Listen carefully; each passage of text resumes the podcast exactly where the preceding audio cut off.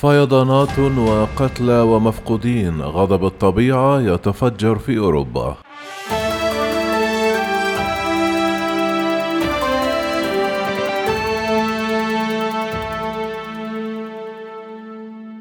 تشهد مناطق في غرب أوروبا فيضانات تسببت بوقوع وفيات وانهيارات أرضية وتوقفت حركة القطارات وارتفاع كبير في مستوى المياه على الطرقات.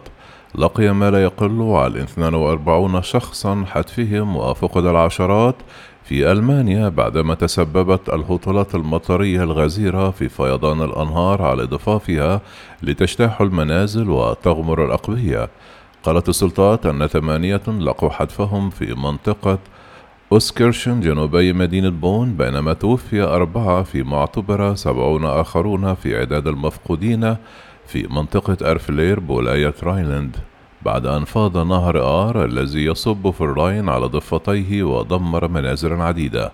تسببت الأمطار في اضطراب النقل العام بشدة إذ توقفت خدمة القطارات السريعة إلى ألمانيا وذلك حسب ما ذكرت وكالة رويترز. أعاقت عمليات الإنقاذ حقيقة أن اتصالات الهاتف والإنترنت معطلة في جزء من المنطقة الواقعة جنوب غرب كولونيا. كما انهارت ستة منازل خلال الليل في قرية شولد الواقعة في منطقة إيفل وهي منطقة بركانية من التلال والوديان الصغيرة جنوب غرب كولونيا.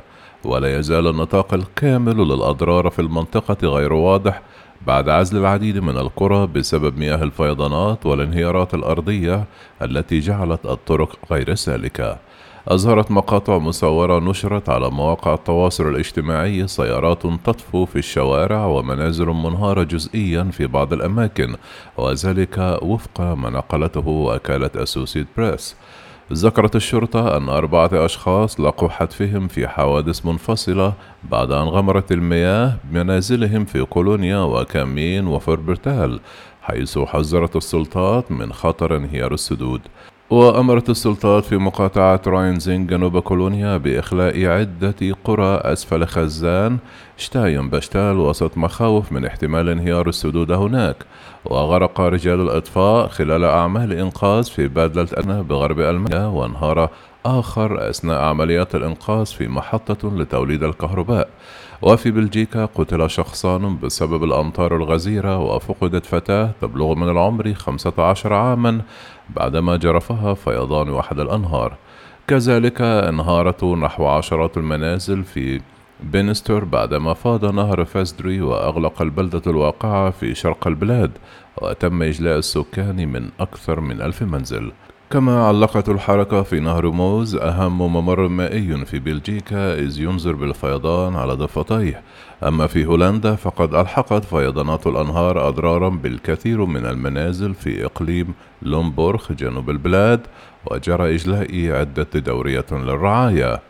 وأرسلت الحكومة الهولندية نحو سبعون جنديا لمقاطعة لومبورغ للمساعدة بمهام من بينها نقل من تم إجلائهم وملء أكياس الرمال مع فيضانات الأنهار على ضفافها. كما غمرت الأمطار الغزيرة بشكل غير عادي رقعة واسعة من شمال شرق فرنسا هذا الأسبوع مما أدى إلى تساقط الأشجار وإغلاق عشرات الطرق. تعطل طريق قطار إلى لوكسمبورغ وقيام رجال الإطفاء بإجلاء عشرات الأشخاص من منازلهم بالقرب من حدود لوكسمبورغ والحدود الألمانية وفي منطقة مارن